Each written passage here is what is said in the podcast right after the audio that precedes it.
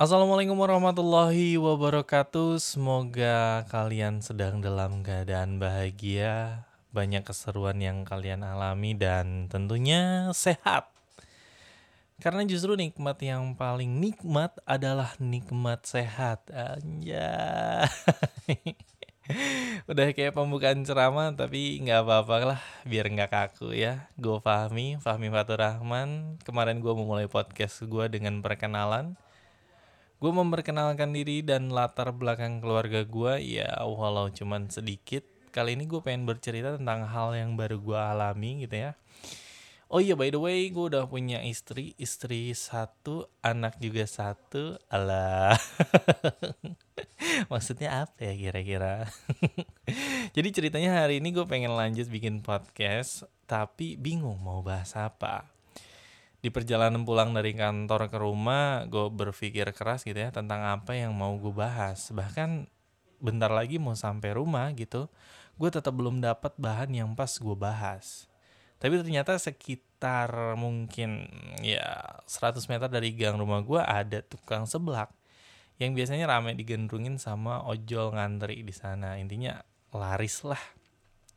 Dan padahal dekat dari rumah gue istri gue tuh adalah salah satu peminat makanan pedas-pedas dan bercabai gitulah. Tapi intinya istri gue tuh nggak pernah beli ke sana. Karena lagi nggak rame gue berhenti dan coba belilah dan dikasih buat ke istri gitu. Sambil nunggu pesanan gue jadi gue main Instagram ngetap tap IG story orang gitu ya IG story mantan alah. Istri aku jangan sampai denger nanti dia meng- marah mengamuk. Scroll feed gue sendiri gitu ya banyak orang posting di sana uh, sampai akhirnya gue nemu sama sebuah postingan yang secara tampilan dan tagline-nya bikin gue gimana ya? Maksudnya uh, sulit bagi gue untuk lanjut nge-scroll dan beralih ke postingan lain gitu. Menurut gue ini menarik dengan tagline-nya Rage Against Marital Rape ala sampai apal tuh kan. Tapi ini sebenarnya bukan isu baru ya, udah lumayan lama lah apalagi semenjak RUU KUH RUU KUHP eh, RUU KUHP rame banyak yang ngomongin. Dan bentuk postingannya itu infografik. Namanya infografik tuh kan pasti terbatas banget, cuman nyantumin poin-poin penting aja tentang isu yang diangkat di balik itu pasti ada penjabaran yang lebih panjang dan dalam lagi karena emang sebelumnya juga gue udah tahu kalau postingannya ini dari uh, akun Tirto. Nah, si Tirto ini ada webnya juga yang postingnya tuh lebih ke posting artikel dan berita macam kayak di detik gitulah.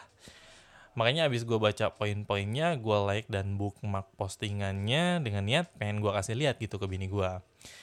Dan tanpa panjang lebar, sebelah gua jadi kurang dari 5 menit gua udah sampai rumah. Pas nyampe rumah, ternyata ada nyokap.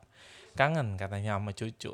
Niat hati yang mau langsung jawab-jawab soal hot issue gitu, terpaksa ditahan dulu sampai nyokap pulang. Akhirnya pulanglah nyokap, gue bilang sama istri gue, kamu butuh bacaan nggak? Uh, sambil aku mandi, kamu baca ini ya, gue cariin tuh artikelnya di Tirto dan gue biarin dia baca dan for your information nih alah istri gue tuh emang punya minat baca yang lebih bagus daripada gue lah. Dia suka baca artikel di internet suka baca novel dan biasanya sih kalau ada hal-hal yang harus dibaca tuh gue minta dia yang baca. Nanti jelasin ke gue malum tim malas baca akut hai Nah, alasan kenapa gue ngajak istri gue buat baca artikel itu tuh lebih ke sharing pandangan aja soal masalah perkosaan dalam suami istri. Karena ada dua hal ya, uh, utam ada dua hal utama yang pengen gue ulik dari isu ini dan pertama soal definisi perkosaan yang dimaksud itu kayak gimana dan mau digiring ke mana opininya. Beres mandi, makan, anak gue juga udah tidur, pas banget lah timingnya buat bikin anak lagi. Ah dasar laki-laki. Tapi akhirnya kita milih ngobrol lah. Gue bu gue buka dengan kalimat pamungkas gue biasanya menurut kamu gimana anjay? Gue gue tanya yang kayak gitu ke dia tapi gue yang colong start jelasin versi gue duluan. Di awal artikelnya tuh kan si penulis tuh nyeritain pengalamannya ngehadirin acara stand up sebagai prolog di mana uh, dia nggak kelar nonton acara itu karena kecewa gitu dengan cara si komedian ngedeliver materinya menurut penulis gitu. Nah, yang stand up ini orangnya misoginis. Nah, ini yang menurut gue bagus dari artikel Tirto. Pemanfaatan katanya tuh bikin kita mau nggak mau ya nyari tahu soal kata itu. Alhasil nambah kosakata bagi gue.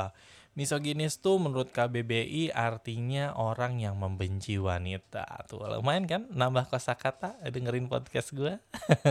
Makanya di subscribe. Jadi lewat lawakannya nih si orang yang stand up, uh, stand up bilang tujuan kita nikah kan buat ngewe. Oh itu di sensor nggak ya? Nguk gitu. Itu istri emang buat di ewe. Nguk. Kok dibilang memperkosa nggak jelas banget ya. Kalau mau disensor ya nggak usah mending nggak mending nggak usah diomongin gitu ya. Ya tapi intinya semua itu tuh pasti kita tahu akar masalahnya adalah tentang RUU KUHP waktu itu yang lagi hot-hotnya, khususnya soal rumah tangga. Nah, si penulis artikelnya ini juga nge-mention beberapa contoh kasus perkosaan dalam rumah tangga, tapi di antara semua contoh kasus yang dia sebut, gue cuma tahu Vina Garut. Lah, coba mana ya nggak searching videonya begitu kasusnya viral ya nggak ya nggak ya. Sampai sini nih, gue coba ngebaca coba mahamin gitu ya maksud dari si penulis. Karena ini tuh berlawanan dengan apa yang ada di otak gue soal perkosaan karena menurut gue pribadi gitu setahu gue perkosaan itu sifatnya memaksa kepada yang bukan haknya. Ya ibarat kata tuh maling lah. Nah terus di masalah di dalam hubungan ada pemaksaan ya ya wajar lah. Toh saling berhak satu sama lain apalagi ngomongin soal kebutuhan seksual. Misal nih istri diajakin ML sama suami tapi nggak mau karena lagi capek. Tapi suaminya keburu enges gitu sange. Akhirnya maksa-maksa ayolah ayolah. Dan daripada ribut gitu ya akhirnya istrinya mau. Menurut gue itu wajar dan biasa. Karena balik lagi gitu sama prinsip uh, haknya suami tuh berhak atas istri dan istri berhak atas suaminya. Cuman yang paling harus diasah adalah dewasanya masing-masing gitu. Lagian kan namanya orang kawin mah pasti pakai proses gitu.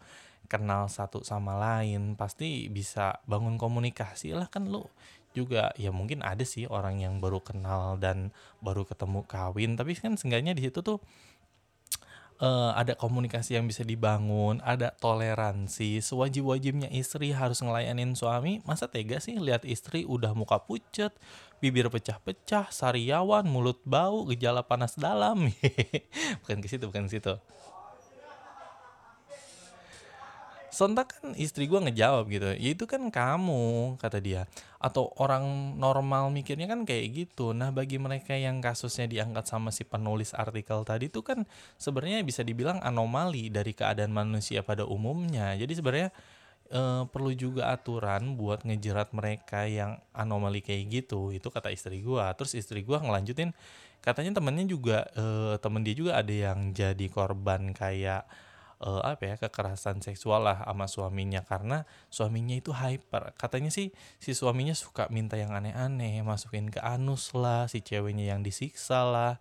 Ya si ceweknya juga nggak bisa kayak gimana gimana mau nggak mau nggak mau ya nerima gitu kan. Dibilang kalau nolak aja uh, kalau nolak ajakan suami aja dosa gitu Terus gue jawab, ya itu namanya uh, pintar keblinger. Si cowok bawa dalil tapi dia juga melakukan hal yang berlawanan dengan dalil itu yang nggak boleh dilakuin ke istrinya. Kayak masukin ke anus sama zolim sama ke istrinya dengan menyiksa istrinya itu juga berlawanan kan dengan dalil. Tapi untuk hal-hal yang kayak gitu eh gua pribadi lebih mengtepat uh, lebih ngerasa tepat mengkategorikannya sebagai KDRT atau kekerasan dalam rumah tangga.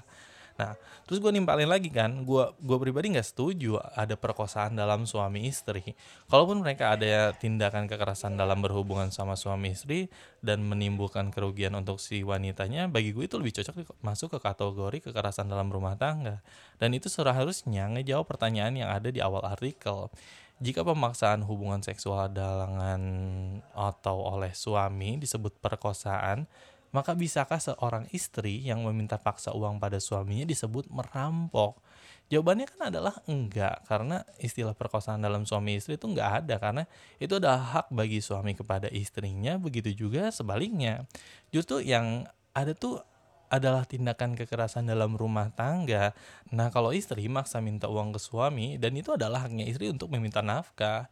Jadi poin pentingnya adalah sebenarnya masalah undang-undang yang mengatur tentang rumah tangga itu menurut gua harusnya nggak sampai ke level kebutuhan seksual, tapi lebih ke ngatur tentang tindakan kekerasan dalam rumah tangga terutama korbannya ya perempuan terus kan uh, semuanya juga bisa diobrolin gitu ya dikomunikasiin ditawar menawarin. Kalau enggak ya bisa malam ini ya besok lah gitu.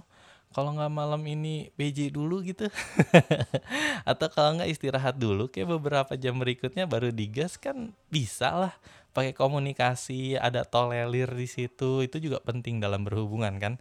Dan kedua kedua terakhir nih ya aja mungkin ini juga pesan bagi yang belum nikah terutama cewek gitu ya. Ada yang mungkin kejadiannya ketahuannya pas udah nikah gitu kalau pasangannya suka sama yang brutal-brutal ada quote and quote. Beringas di borgol-borgol gitu ya diikat di ranjang aja ditetesin lilin. Pokoknya harus lebih selektif lagi lah memilih pasangan. Makanya itu guna gunanya test drive sebelum membeli mobil ya Canda bercanda. Kenali aja lu pasangan lu lebih jauh. Nah, yang terakhirnya nih adalah soal hal yang tabu yang mungkin masih banyak orang jarang mau bahas itu di publik dengan pikiran yang terbuka. Salah satunya adalah artikel dari Aditya Widya Putri ini bisa ngebuka wawasan kita dengan mengkesampingkan pemikiran yang skeptis atau sesuatu hal yang uh, so yang ya jarang lah untuk diperbincangkan terutama dalam suami istri ya So, koreksi gue kalau gue salah dan ini opini gue. Buat podcast hari ini, gue Fahmi undur diri. Wassalamualaikum warahmatullahi wabarakatuh. Sampai jumpa di podcast berikutnya.